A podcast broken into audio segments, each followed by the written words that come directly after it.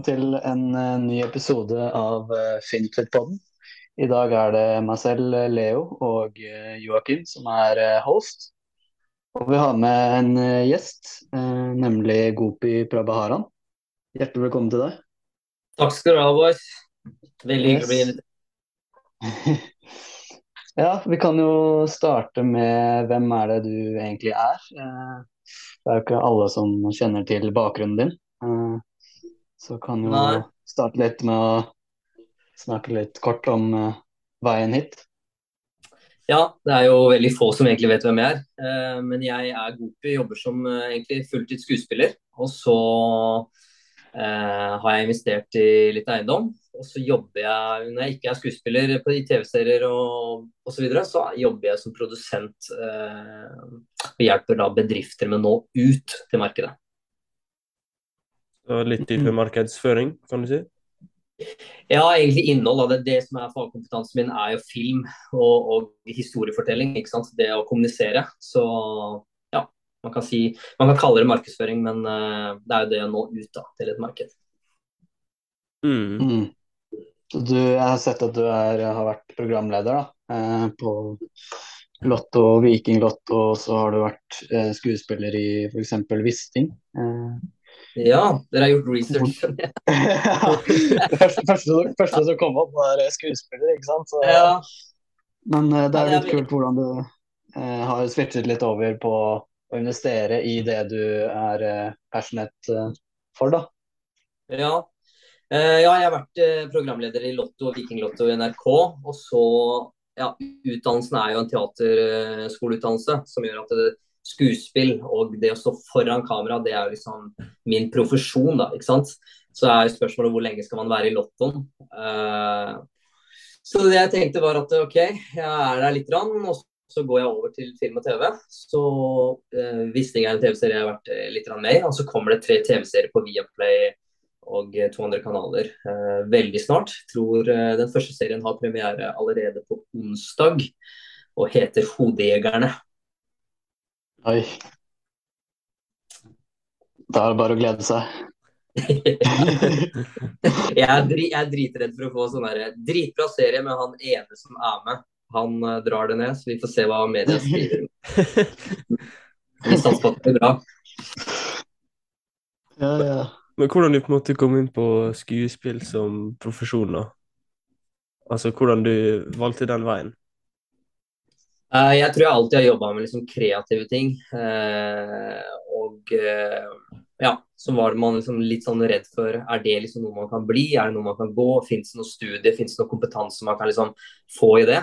så jeg, jeg, tenkte bare sånn Da må jeg gjøre litt research. Og så så jeg liksom hva Aksel Hennie hadde gjort, hva andre store skuespillere hadde gjort. Og alle hadde tatt seg en teaterutdannelse.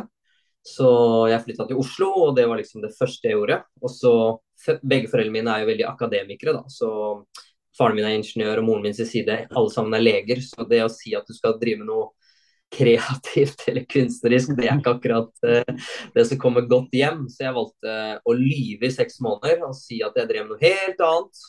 Mm. Og så Ja, så skole er liksom ikke noe som var uh, for meg, da. ikke sant? Så jeg måtte gå for noe som jeg likte, noe som jeg måte syntes var gøy. Og da prøvde jeg litt forskjellig, og et av de var selvfølgelig å stå på en scene eller foran kamera. Mm. Men så gikk du litt over til investering i, i eiendom, da. Eh, næringseiendom mer spesifikt, kanskje. Eh, ja. Hvordan var det hvordan var det, det, det blomstret, den interessen der, da? Bestekompisen min har spilt i Tippeligaen i alle år. Og han eh, har investert selvfølgelig da i eiendom. Det er ikke alle atleter som er smarte eller kloke og tar sånne valg. Uh, man har jo en veldig kort tid som atlet, ikke sant. Så, så han tok noen kloke valg innenfor eiendom. Og alltid har fortalt meg Gopi, husk at uh, man må investere i eiendom. Husk at man må investere. Han sa ikke spesifikt nødvendigvis eiendom, men bare husk å investere. Uh, fordi at når karrieren er over, så er det ikke sikkert man sitter med alle disse pengene. Så jeg lovte meg selv at OK, hvis jeg noen gang klarte å komme på TV, hvis jeg noen gang klarte å liksom få en god lønn, en god inntekt, så skulle jeg putte de pengene inn i eiendom og ikke liksom bruke de på mye piss. Uh, selv om vi alle har gjort det, selvfølgelig. Men uh, jeg var veldig sånn tidlig på gjennom min bestekompis at uh, Og han har, han har, eksponert seg veldig mye i eiendom. Så det var liksom den første, liksom det frøet, da. Så er det sånn at man får seg selvfølgelig jobb. Man kommer på TV, man får seg en god, stabil inntekt. Uh, og da kjøpte jeg ganske tidlig, det er vel tolv år siden jeg kjøpte min første eiendom. Uh, og så måtte jeg bare liksom sette meg i det. Og jeg visste jo ikke forskjell på inflasjon eller inflammasjon. Jeg trodde det var det samme greiene. jeg, jeg, jeg, kunne ingenting, da. ikke sant? Så vi må bare vite at det er ikke dette du lærer på teaterskolen.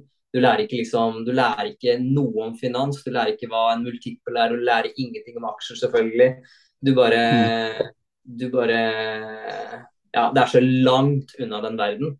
Så, så, for meg å forstå, eller bare det å høre om næringseiendom, eller det som på engelsk heter commercial real estate, det er liksom sånn, man er, man er ikke oppvokst med de ordene her, ikke sant.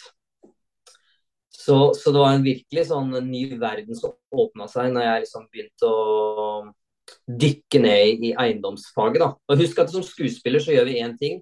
Det er å forstå hvorfor det mennesket du skal spille, gjør som det gjør. Det kan være morder du spiller, det kan være en som er utro, det kan være liksom et monster. ikke sant? Men vi, vi, vi, dykker ned i hvorfor et menneske gjør som det gjør. Og jeg tenkte at den samme approachen eller tilnærmingen kunne jeg ha til finansfaget. da. Smart. Så det har på en måte vært med å hjelpe deg, da? Hva sa du? Det har på en måte vært med å hjelpe deg innen eiendom, det da, at du har vært skuespiller? Ja, absolutt. Altså, når man studerer hvorfor mennesker gjør som de gjør, så er det det samme som å studere en kundeatferd. Hvorfor markedet gjør som det gjør, hvorfor markedet beveger seg som det gjør. Hva er det som gjør at vi, når covid blir stengt ned, at vi velger å kjøpe mye mer eh, slike varer. Hva, alt, alt, det vi liksom bryr oss om i finansverden, så, så, så, sånn er det jo i skuespill også. Man, man, må forstå hvorfor noe eller noen gjør som de gjør. Eh, og det er jo en, eh, et håndverk i seg selv, da, ikke sant. Så jeg hadde vel kanskje et sånt Kom litt sånn fra skrått, og, og så kanskje investeringsverden fra, fra, en annen side. Og eh, selvfølgelig en av, man, en av, de første man studerer, er jo Warren Buffett. da. Mm. Altså du, du vet, uh, har jo fått den erfaringen fra å liksom vite hvordan markedet beveger seg sånn som det gjør, og brukt det på en måte på en, på en annen uh, arena også. da. Ikke bare innenfor markedsføring og skuespill, men også tatt det inn i litt andre ting. da. Eh, men er det sånn at du har tatt en eh, finans, eh, noe fag innenfor finans i etterkant, da, eller? Nei, jeg har ikke Altså, jeg, jeg, har lest veldig lite bøker i livet mitt. Jeg har lest en del manus, selvfølgelig. Men uh, altså, man må bare kartlegge. Sånn gjør vi når vi liksom kartlegger en karakter da, ikke sant, i en film. Så, så kartlegger vi liksom en start eh, og en slutt. Og hvis du ser Warren Buffett, så sier han noe nå men han gjorde noe helt annet i starten. ikke sant? Så jeg la egentlig bare fram det helt sånn lineært. Hvor, hvordan er reisen til karakteren Warren Buffett? Ok, Hvilken valg tok han helt i starten, hvilken valg tok han liksom når han begynte å akkumulere kapital, og hvilken valg tar han liksom nå, og hva er det han sier i media? Så Det ligger jo masse intervjuer og masse selvfølgelig årsmøter og årsrapporter der ute som man kan lese. Eh, så, også som jeg sier da, Når man ikke vet forskjellen på inflasjon og inflammasjon, så, så får man litt, får man litt trøbbel. Eh, jeg husker jo liksom første gangen at man, var redd for å gå til banken. Eh, og, ikke sant? Fordi, fordi, man føler at man kommer til banken uh, og de griller deg, men egentlig er det bare at du ikke vet hva de spør om. ikke sant? Hva er forskjellen på belåningsgrad, hva er gjeldsgrad? Så, så, en av de første tingene som er veldig viktig, i hvert fall når vi angriper et manus, er å forstå ord. ikke sant? Og i finansfaget så er det veldig mange ord som, er, eh, som kan være litt sånn forvirrende. Hva er forskjell på yield, hva er direkteavkastning, hva er egenkapitalavkastning osv. Så, så Så jeg bare skjønte at ok, her er det en verden jeg ikke har sjans til å skjønne hvis ikke jeg først eh, forstår grunnprinsipper. Og da er det jo egentlig bare å liksom sette seg litt inn i regnskap. Å ja, hva er et resultatregnskap, hva er et balanseregnskap, hva er en kontantstrømoppstilling eh, osv. Så, videre, så, så begynner liksom den Du begynner liksom å sette sammen de puslebitene. Og da, da klarer du liksom å da, da, ser du liksom hvordan det hele, hele det universet fungerer, da.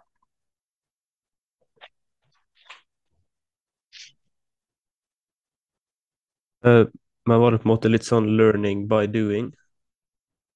Absolutt. Men uh, jeg kan jo si det er, det er, learning by doing. Det er bare det. Jeg har ikke gått noe skole, og jeg er en veldig dårlig mm. skoleelev. Men, men uh, jeg kan si at jeg tok fallskjermlappen i fjor. Og en av de tingene er jo liksom når du hopper ut av et fly som er i fart, så skal jeg love deg at du jobber med nedsiderisiko. Du passer på at den skjermen går opp. og, og, og bokstavelig talt så må man jo hoppe ut i det. Men, men, det er ingen som bør hoppe ut i noe før man jobber med nedsiderisiko, ikke sant. Så, så jeg tok med den metaforen fra liksom, fallskjerm. At liksom, jeg, bare, jeg, hopper bare ikke ut av et fly. Jeg, jeg, sjekker sekken, jeg sjekker proppen, jeg sjekker liksom Det er rutiner. Så, så samme tenkte jeg at jeg må lage meg noen slike rutiner når det kommer til investering. For det er eh, Altså, å putte 200 kroner i måneden inn i et fond, det er ikke så farlig. Men når du begynner å liksom putte noen millioner inn i et kapitalintensivt uh, aktiva-klasse, da, da, skal jeg love deg, da vil du vite hva nedsiden er, da. men, nei, men det, er jo, det er kult å høre at uh, på en måte brikkene har, at du har satt brikkene på plass. Da, at du henter ting herfra og setter det sammen med andre ting. At det faktisk blir uh, satt sammen på en bra måte. Da. Du trekker på en måte riktige ting mot hverandre. Eh, men eh, den første eiendommen da, som du investerte i, hvordan var det en eh, investerings... Var det utleie, eller hvordan, hvordan ja. gikk du frem der? Og hvordan har du gått videre etter det? Familien min har vært veldig flink på eiendom, spesielt faren og moren min. vi, vi kommer fra en bakgrunn der vi måtte liksom flykte. Det betyr at våre verdier ble jo Vi måtte bare rømme fra våre verdier. Så jeg har lært veldig hjemme Jeg har fått veldig sånn, god lærdom og visdom hjemme om å ta vare på verdier. Så de, de, har alltid også snakket om eiendom. Jeg tror ikke de sitter med en fagkompetanse sånn som jeg sitter med nå, føler jeg. Men, men de var veldig på at man skulle investere. Så hadde jo jeg lyst til å investere i en, den første eiendommen hvor jeg bodde i og hadde det komfort og, og mm. eh, koste meg. da, så Jeg husker vi var innom noen eiendommer og på visning hvor jeg sa sånn Å, denne kan jeg bo i, mamma og pappa. Og så, og så sa de nei det første du skal gjøre, det er å lære å forvalte på en måte en eiendom. Og måten du gjør det på, det er at du bor i ett rom, og så skal du leie ut det andre rommet. Uh, de sto som kausjonister, og de hjalp til med egenkapitalen i første omgang. Så det var slik jeg fikk på en måte finansiert uh, opp eiendommen sammen med banken, selvfølgelig. Uh, men, men, da lærte man jo på en måte hvordan, ja, hvordan man mottar leieinntekter, hvordan man driver kostnader, hvor man splitter det til to. Så, så, store deler av min første eiendom ble finansiert gjennom at jeg klarte å Jeg gjorde en hybridversjon, da, rett og slett. At jeg leide ut og bodde der selv. Mm. Hvordan var det det gikk da over tid? Var det, var det utfordrende, Nei. eller? Hva sa du? Var det utfordrende det, i starten å drive med forvalte de leieinntektene og kunne skalere opp etter hvert? da? Jeg hadde jo ikke peil, jeg visste ikke hva termin ja. Jeg visste ikke hva sånn avdrag eh, altså, man, bare, man har ikke peiling. Sånn. Så må dere vite boys, at det er ikke dette vi lærer på skolen ikke sant? når vi går ut av ungdomsskolen eller videregående. Det er, ikke, mm. det er liksom ikke hvordan gå til banken og uh, hvordan finansiere og hvordan tenke på egenkapital osv. Man, man lærer ikke om disse tingene, ikke sant? så jeg hadde ikke peiling. Men jeg måtte begynne et sted. Eh, det var en god venn av meg, jeg lurer på om det var han fotballspillerkompisen min eller eh, en annen venn, som satte seg ned og bare Vet du hvor mye du betaler i lån? Så jeg bare sånn øh, Nei. Så, og så, så, så, forklarte vedkommende liksom, grunnprinsipper, da. Og da fant jeg ut at jeg overførte bare penger til pappa. og så betalte han det videre, men da drev jeg og overførte 4000 kroner ekstra hver måned, tror jeg. Ikke sant? Ja. Eh, og det visste jeg ikke. Og det er jo over eh, ikke sant? Det er jo mange tusen kroner. Mm. Så da ringte jeg faren min og så sa jeg bare sånn Ja, pappa, vet du at jeg betaler deg så mye mer i måneden enn hva banken krever og fellesutgiftene krever? Og da tror jeg kanskje han tok det litt frekt. Det var ikke ment som frekt. Det var bare sånn Jeg visste ikke det selv, ikke sant. Og da sa han at framme mandag så overfører vi alt til din konto. Så er det du som må ha med banken å gjøre. Det er du som må på en måte eh, ta dette lånet. og Det er du som må ta alt. Og Det husker jeg var litt skummelt. og Da er det jo sånn at man må sette seg ned. Hva er rentekostnader? Hva er et annuitetslån? Hva, hva er faktisk renter? Å ja, er det noe som heter nominell rente, effektiv rente? Du har ikke peiling. Så, så, det var liksom der prosessen starta for å lære seg helt sånn grunndata. Mm. Og etter det satt du på en måte den eiendommen litt på vent?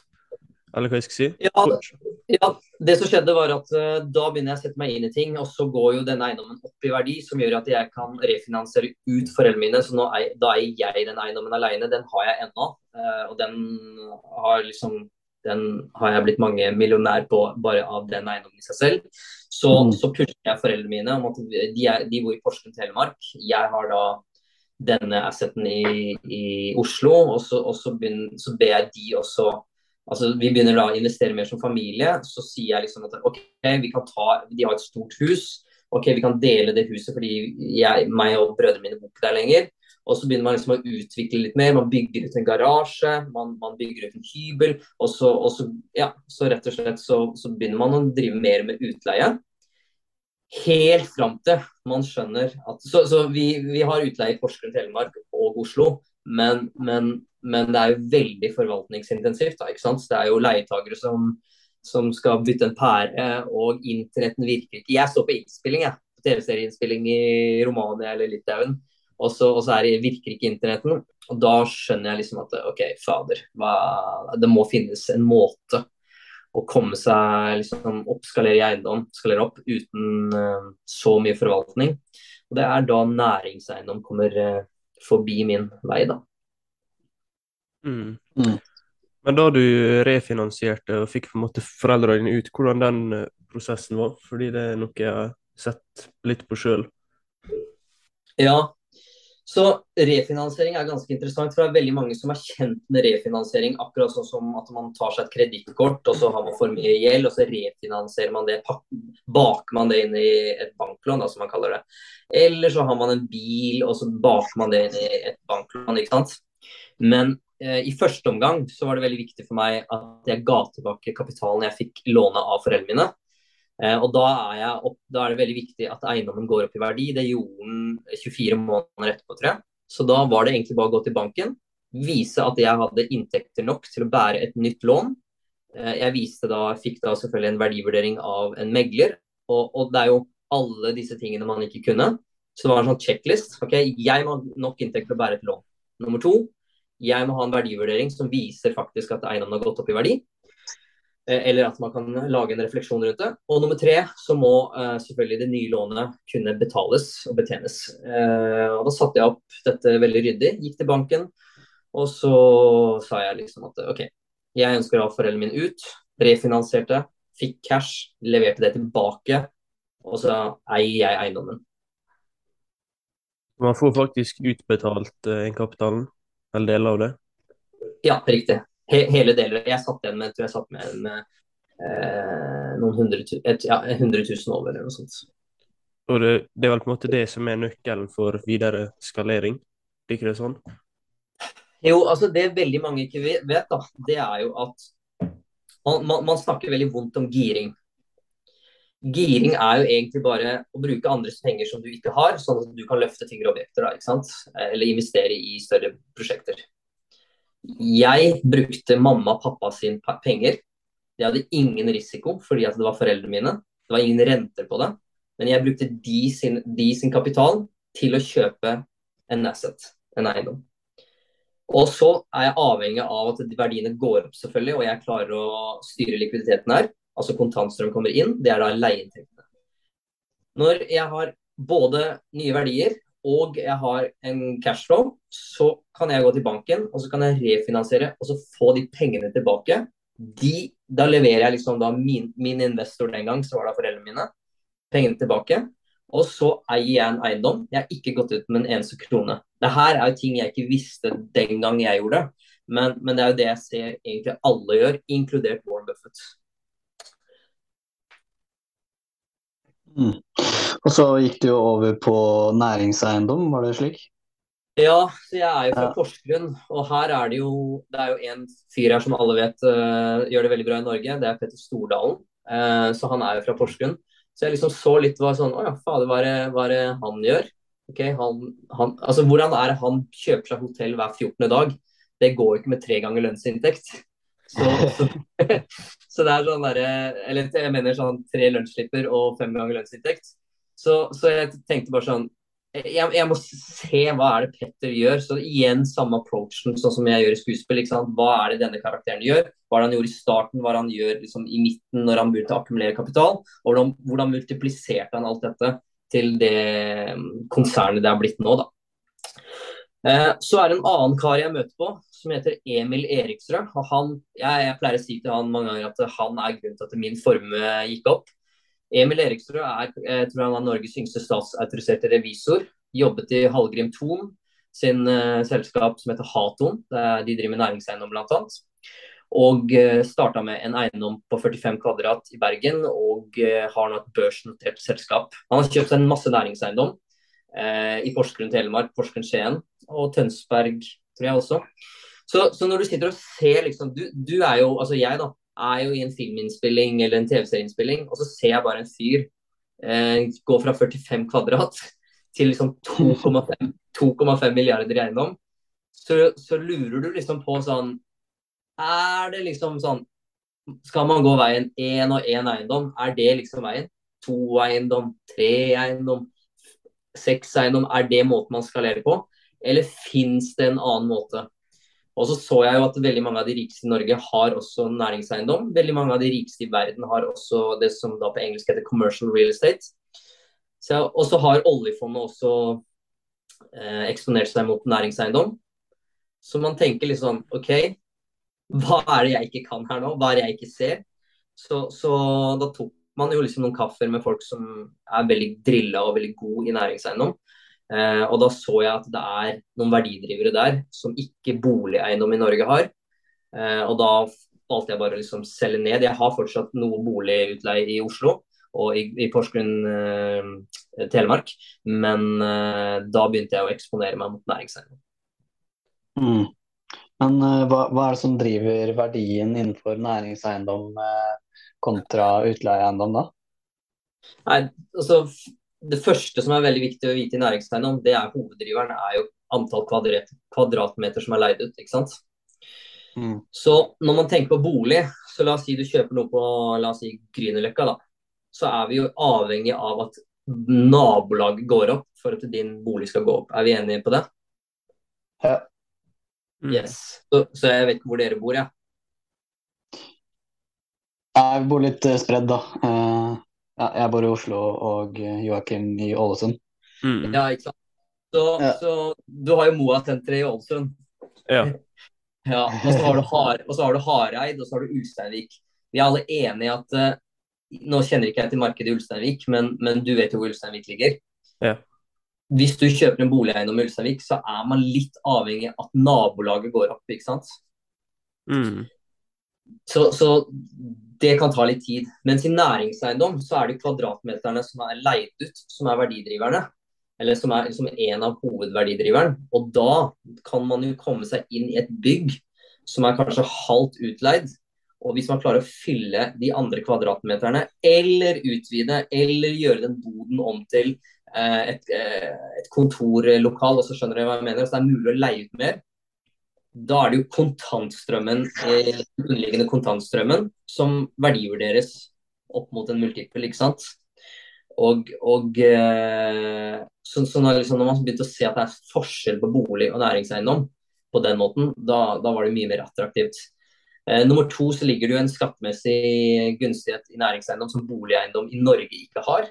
Eh, det er at man kan avskrive bygget, forretningsbygget og tekniske installasjoner innvendig. Jeg kan ikke avskrive et hus. Uh, og det går selvfølgelig ikke an å avskrive tomta. Men, men uh, dette er, uh, gjelder i Norge. Så, og så er det selvfølgelig i næringseiendom så har man jo proffe leietakere. Jeg har jo hatt så mye ja. jeg, skal ikke, jeg skal ikke si noe.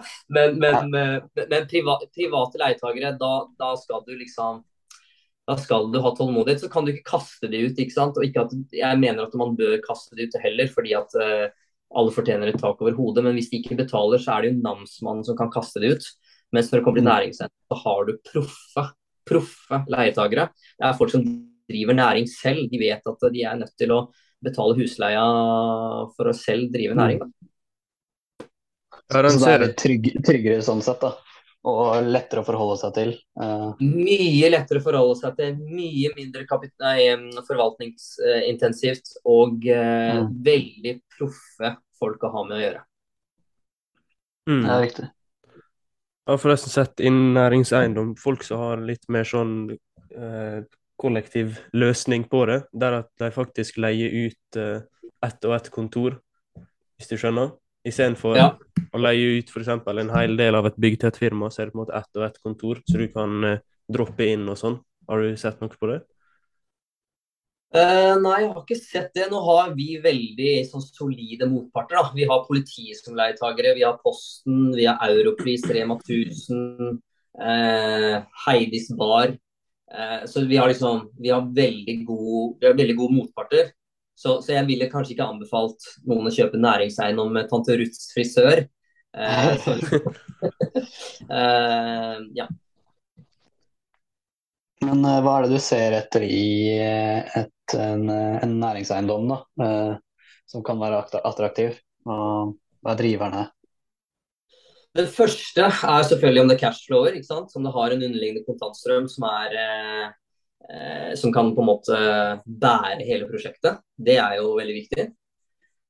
Eh, så er det jo, Man har jo hørt det der beliggenhet, beliggenhet, beliggenhet. Men dere vet når, dere har jo sikkert eh, sett Warren Buffett snakke om denne molten eller konkurransefortrinnet. Ja, det hjelper at eiendom ligger i en beliggenhet som er liksom umulig å liksom konkurrere mot. Da? Det, det skaper jo en, det skaper et konkurransefortrinn.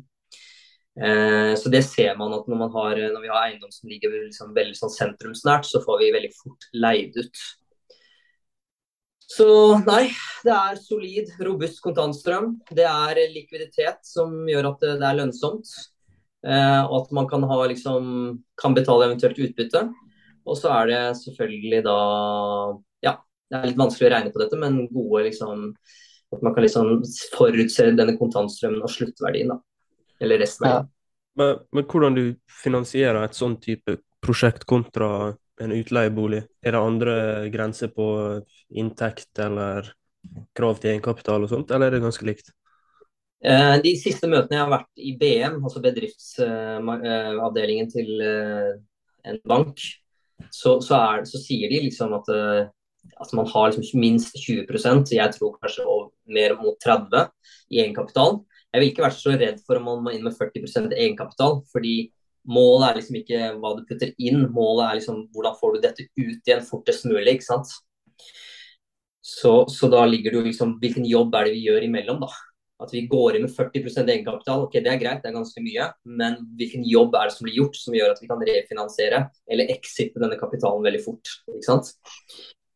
Så Hva var spørsmålet igjen, Ja. Eh, det var krav til egenkapital og slikt. Ja, så det er ja, jeg tror vi har eh, ca. 60% belånt. Da har vi 35-40 egenkapital inne. inne. Uh, og det er helt greit. Mm. Hvordan, eh, hvordan, er det du starter egentlig med næringseiendom, da? For det er jo Er det liksom scrolle på Finn og finne objekter, eller hvordan går du frem? Ja, det er et jæskla bra spørsmål. Det var det jeg gjorde. Uh, og da fant jeg bare tante Ruths frisør.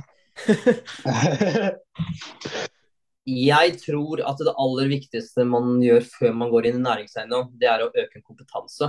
Så det, det, er liksom de første pengene jeg ville brukt. Jeg ville ikke putte penger i et fond, jeg ville ikke liksom puttet det i BSU. Jeg ville ikke puttet det i noe som på en måte låser bort kapitalen din. Jeg ville egentlig faktisk puttet det inn i kompetanse eh, helt isolert mot næringseiendom. ikke sant? Eh, for det er, mm. det, er, det, er, det er, et eget fag. Det er, er stort og, og kan bli veldig komplisert. Så det var det første jeg gjorde. Ved å liksom ta masse kaffe med folk som har liksom i hvert fall over en, over en milliard i næringseiendom. Uh, jeg reiste til USA og så Grant Cardone, som dere, jeg vet ikke om dere kjenner til han. Mm. Uh, så jeg dro på noen seminarer og så på det. Uh, selv om han er i multifamily, altså flermannsboligproduktet, så, så, så, er, så lenge du liksom skjønner at retail er noe annet og kontor er noe annet, så, kan du kjøpe kontor, men fortsatt studere han, da. Så, jeg økte kompetanse, det var nummer én. Nummer to så kom jeg, sa jeg til meg selv at jeg måtte inn i et profesjonelt miljø. Um, mm. Det tror jeg er ekstremt viktig. fordi det er sånn som når jeg fortalte om en jeg absolutt vil gi all kreds til, Emil Eriksø. Han jobbet jo i Haton før han liksom selv kjøpte næringseiendom. Uh, og jeg tror at det er lurt å komme seg inn i et profesjonelt miljø, at man samarbeider, da. Ikke sant. Mm. Så, så de prosjektene Kontakter, jeg altså? Hæ? Kontakter. Kontakter, altså?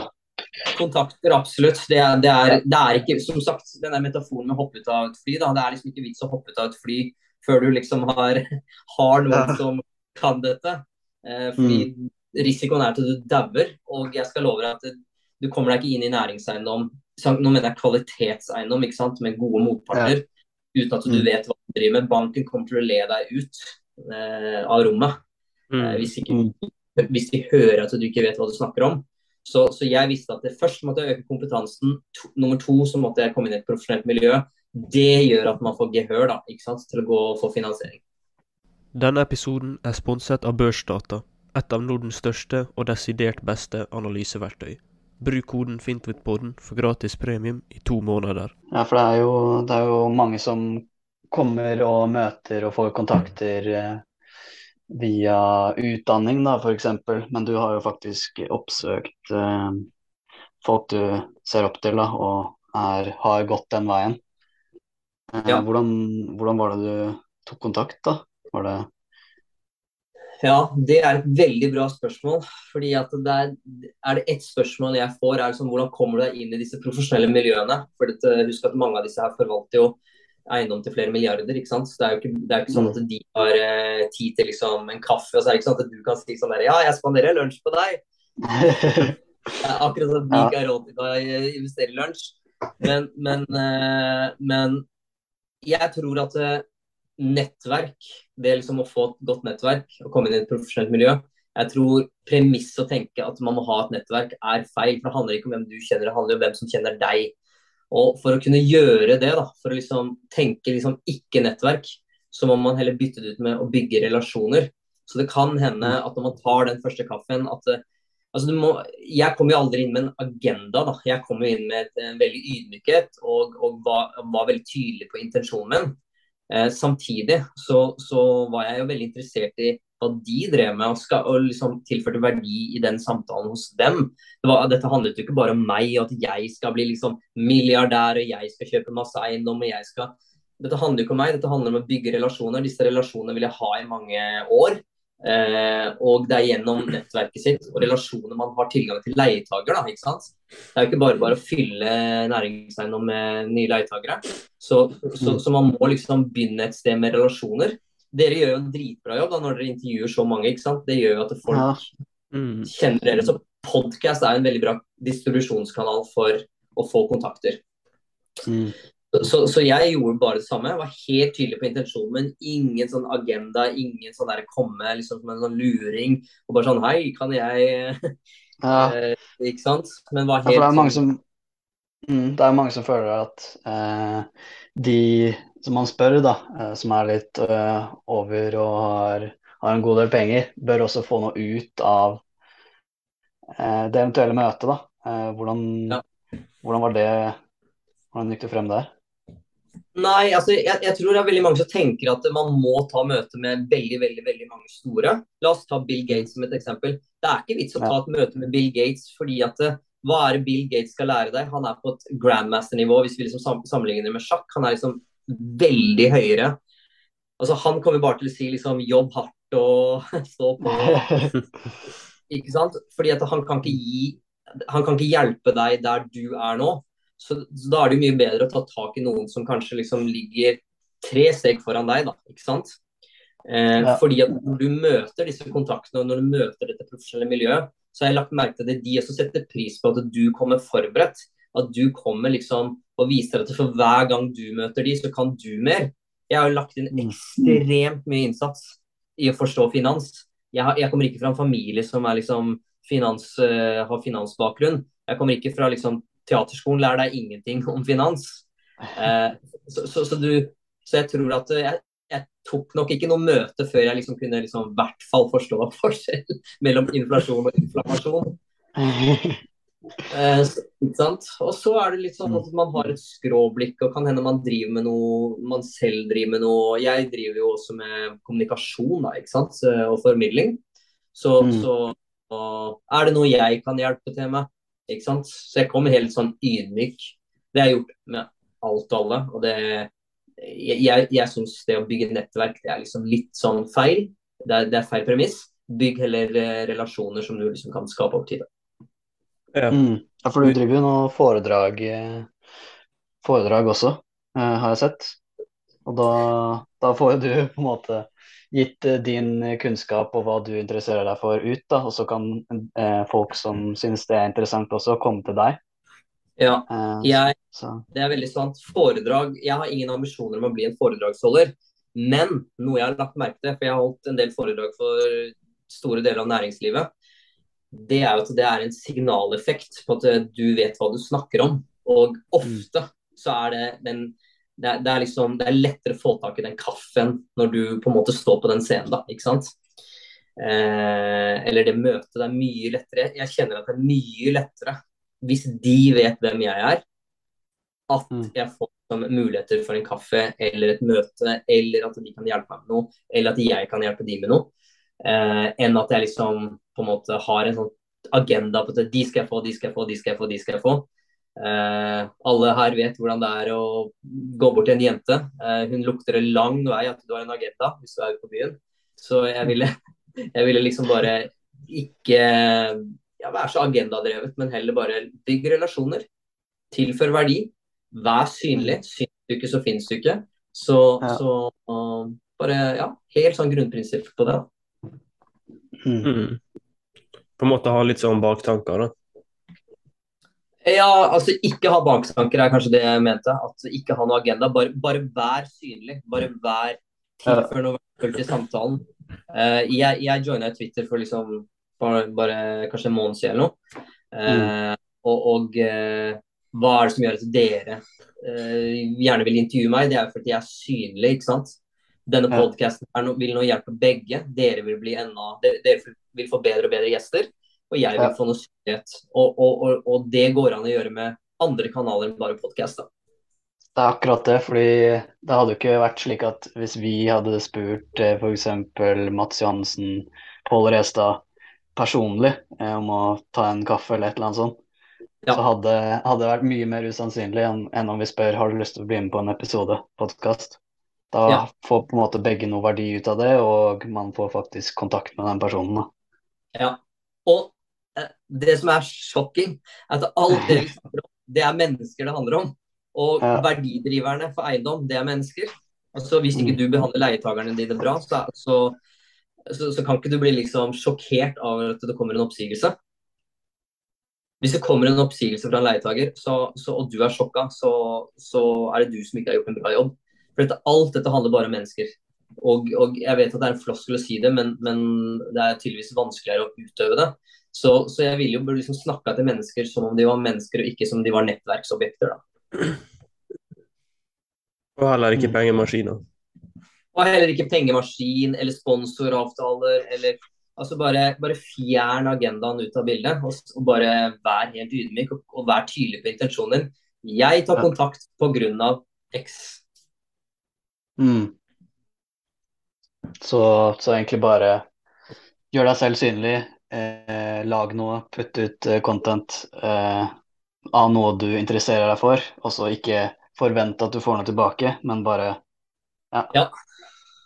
Vær tydelig på hva du vil. Utfordringen med dette med å forvente noe tilbake er jo at du gir for at du skal ta noe, ikke sant. Da, da skaper mm. du allerede forventning. Men hva med at du bare gir mm. for at du gir? Kanskje du Kanskje du stikker på et foredrag med Nicolai Tangen i oljefondet og liksom bare sier topp, og så, og så drar du. Kanskje du, kanskje du, liksom kommenterer på en av deres helters uh, Twitter-kontoer og sier liksom Se hva de er interessert i, og faktisk genuint anerkjenner det og gir det en viktighet. da. Ikke sant? Uh, det, mm. Dette skaper relasjoner, og det er disse relasjonene med menneskene som gjør at du over tid kan, kan uh, høste av noen frø du har sådd. Absolutt. Tilbake til uh, litt mer eiendomsrelatert. Hvordan vil porteføljen din reagere på høyere rente? Har du lagd noe sånn worst case og best case og regna på det? Ja, jeg, jeg, før jeg gikk til banken, så, så uh, presenterte jeg worst case. Da var det med selvfølgelig 5% rentepåslag den gang. Men næringseiendomsporteføljen vår den har SAP-rente, så, så vi har vi har eh, bindet ca. 50 som gjør at det vil demme opp mot mm. eh, økte rentekostnader. Ja, Så det har på en måte mm. sikra mye av nedsida? Ja, absolutt. Så, så, jeg vil ikke si at uh, det skal veldig mye renteoppgang til for at vi uh, kjenner på det. Mm. Så dere, dere, har gått litt mot, uh, motstrøms da, og faktisk bundet renten. Det er jo litt Kult. Uh...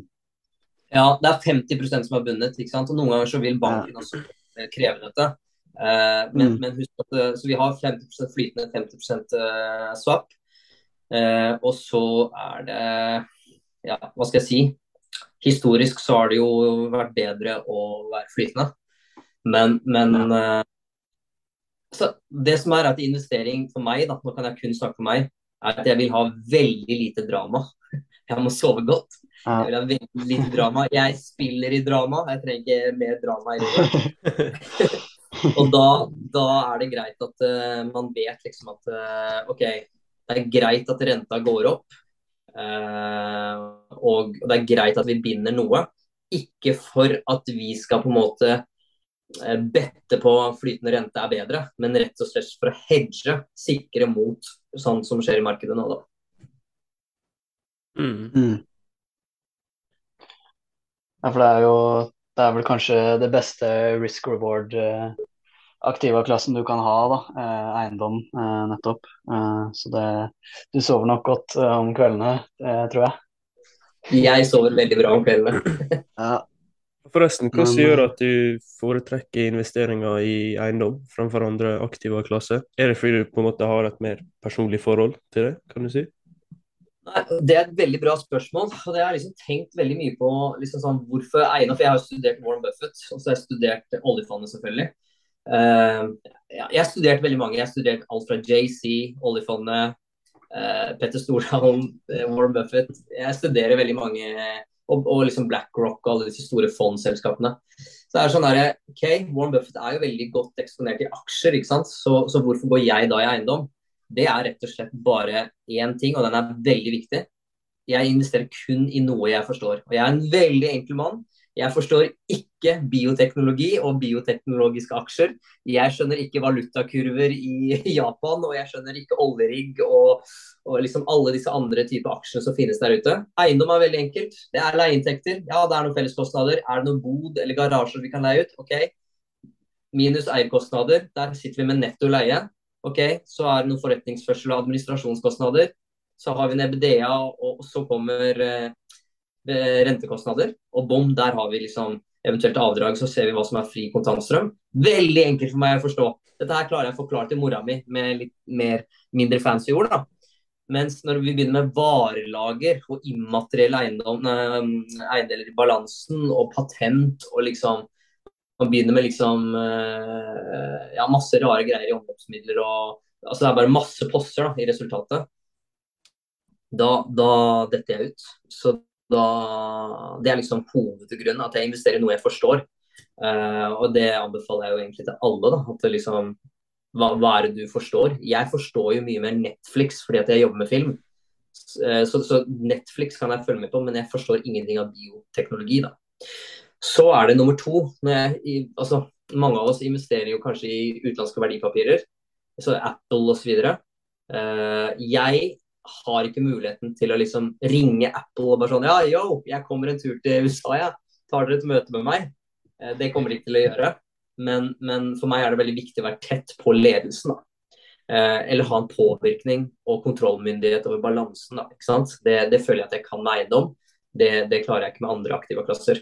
Og så er det å følge bank, eh, hva heter det for noe, Warren Buffett sin regel om å ikke miste penger.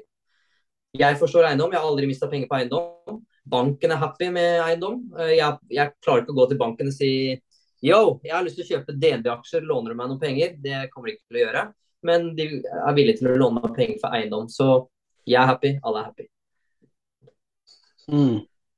Nei, men jeg tror eh, det var veldig fin episode. Så vil bare takke for at du tok deg tid og hadde anledning til å bli med på denne episoden. Tusen hjertelig takk for at jeg fikk eh, være med, boys. Og så ønsker jeg dere Yes. masse lykke til. Og eh, Takk det samme. dere. Takk det samme, ja. Takk det samme. Yes.